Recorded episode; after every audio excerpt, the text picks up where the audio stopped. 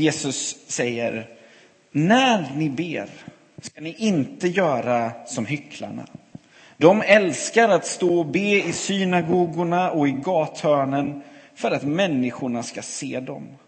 Sannerligen, de har redan fått ut sin lön. Nej, när du ber, gå då in i din kammare, stäng dörren och be sedan till din fader som är i det fördolda. Då skall din fader som ser i det fördolda belöna dig. Och när ni ber ska ni inte rabbla tomma ord som hedningarna. De tror att de ska bli bönhörda för de många ordens skull. Gör inte som det, ty er fader vet vad ni behöver redan innan ni har bett honom om det. Så ska ni be. Vår fader, du som är i himlen. Och sen så fortsätter bönen så. Jesus tar oss in i ett avsnitt om bön och börjar med att säga när ni ber.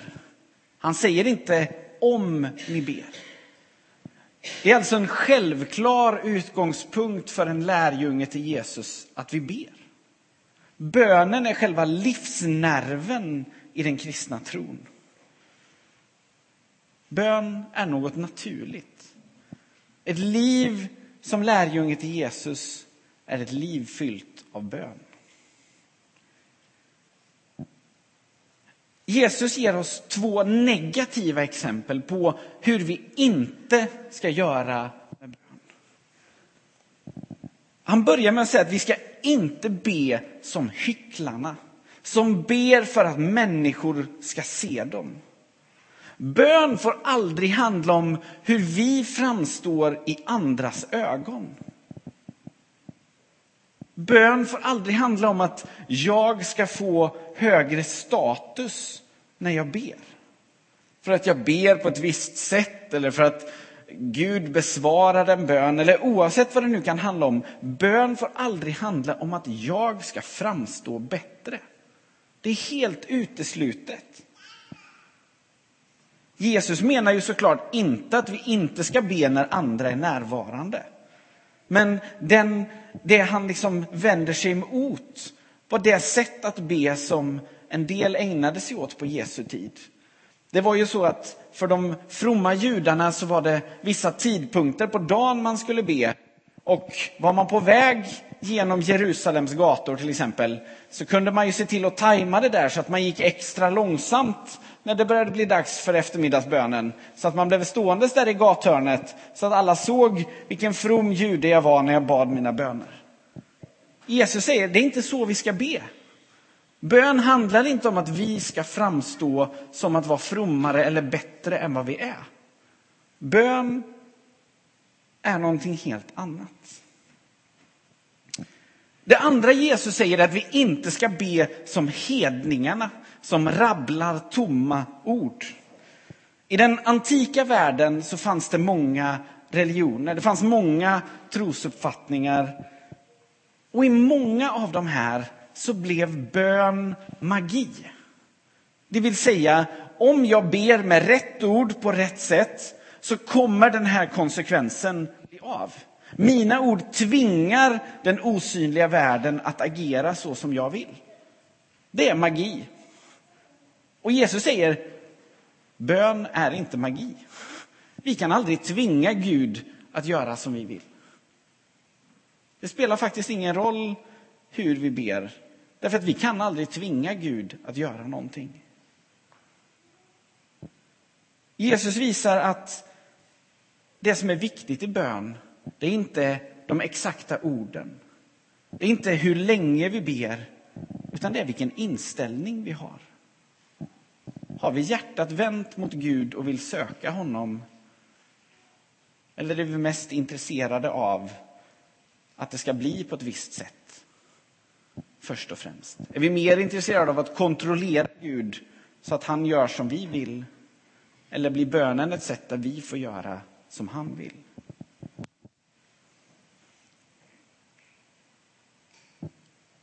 Jesus menar att bön till Fadern Den är intim och personlig. Rakt på sak. Vi behöver inte mekaniskt upprepa oss för att få Guds uppmärksamhet. För Jesus säger Fadern vet vad ni behöver innan ni ens har bett honom om det. Så säger då Jesus till lärjungarna, så här ska ni be. Så börjar han, vår Fader, du som är i himlen. Jag ska skicka med tre korta reflektioner utifrån den här starten idag. Jesus säger vår Fader. Det innebär att vi och Jesus hör ihop. Vi ber till samma fader. Vi tillhör samma familj. Och det innebär att alla vi som tror på Jesus hör ihop. För vi ber också till samma fader. Vi tillhör samma familj. Det innebär att det finns ett band mellan oss som tror på Jesus. Ett band som gör att vi inte kan strunta i varandra. Vi kan liksom inte komma ifrån det. Vi tillhör och ber till samma fader. Vi tillhör samma familj. Jag har mött kristna från olika länder. Jag har varit på gudstjänst på andra sidan jorden. Och det har varit så tydligt. Vi hör ihop. Vi hör ihop. Vi tillhör samma familj. Så när Jesus säger vår fader så påminner det oss om att vi inte är ensamma. Vi är en del av någonting större. Vi ber tillsammans med Jesus och alla andra som tror på honom. För det andra så säger Jesus vår fader. Jesus menar nog inte att ge oss den formella titeln på Gud. Liksom, hur gör vi för att korrekt adressera Gud så att vi inte råkar begå etikettsbrott? Ni vet när någon sitter med mobilen på Nobelmiddagen eller sådär. Men Jesus vill visa hur personlig Gud är. Gud är inte som the force i Star Wars. En opersonlig kraft som kan liksom böjas till olika eh, företeelser fram och tillbaka. Nej, Gud är personlig. Gud är den levande guden. Gud är nära och involverad i våra liv. Jesus säger att Gud, den gode fadern, vet vad vi behöver innan vi ens har bett om det. Det påminner oss om att Gud aldrig kan reduceras till en opersonlig kraft. Gud är närvarande och vill ha en intim relation med oss var och en. Det är bönens utgångspunkt. Vi ber till Fadern som vill vara nära oss och som vet vad vi behöver. Och för det tredje så säger Jesus, vår fader, du som är i himlen. Vad betyder det? Att Fadern är i himlen. Idag är inte platsen för ett djuplodande bibelstudie om, om himlen. Men det finns goda skäl att reflektera åtminstone några sekunder över vad menar vi med himlen? Hur pratar vi om himlen? Är det platsen där uppe, långt borta, dit vi hoppas komma när vi dör?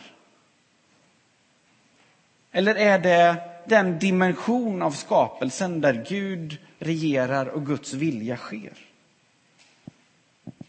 Det kan tyckas vara små detaljer, men de kan få ganska stora konsekvenser när vi drar ut linjerna i den kristna tron och zoomar ut bilden lite grann.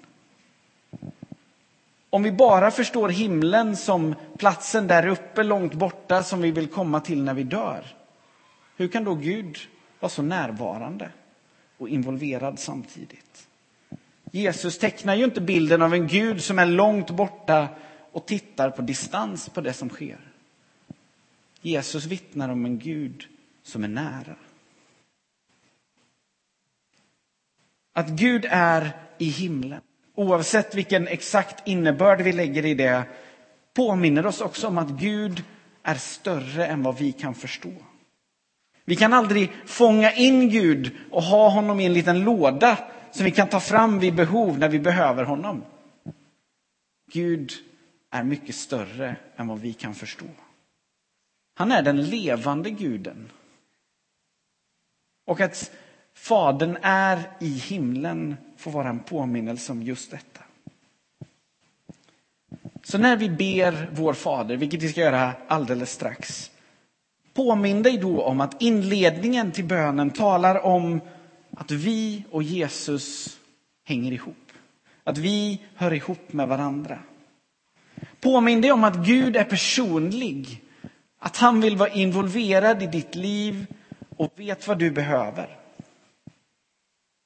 Och att Gud samtidigt är mycket större än vad vi kan förstå. Det finns alltid mer att upptäcka av vem Gud är. Nu ska vi be vår Fader tillsammans och texten kommer här på väggen. Vår Fader, du som är i himlen. Låt ditt namn bli helgat. Låt ditt rike komma. Låt din vilja ske på jorden så som i himlen. Ge oss idag det bröd vi behöver och förlåt oss våra skulder liksom vi har förlåtit dem som står i skuld till oss. Och utsätt oss inte för prövning utan rädda oss från det onda. Ditt är riket, din är makten och äran i evighet. Amen. Nu får vi lyssna till en sång av Sara och Arne.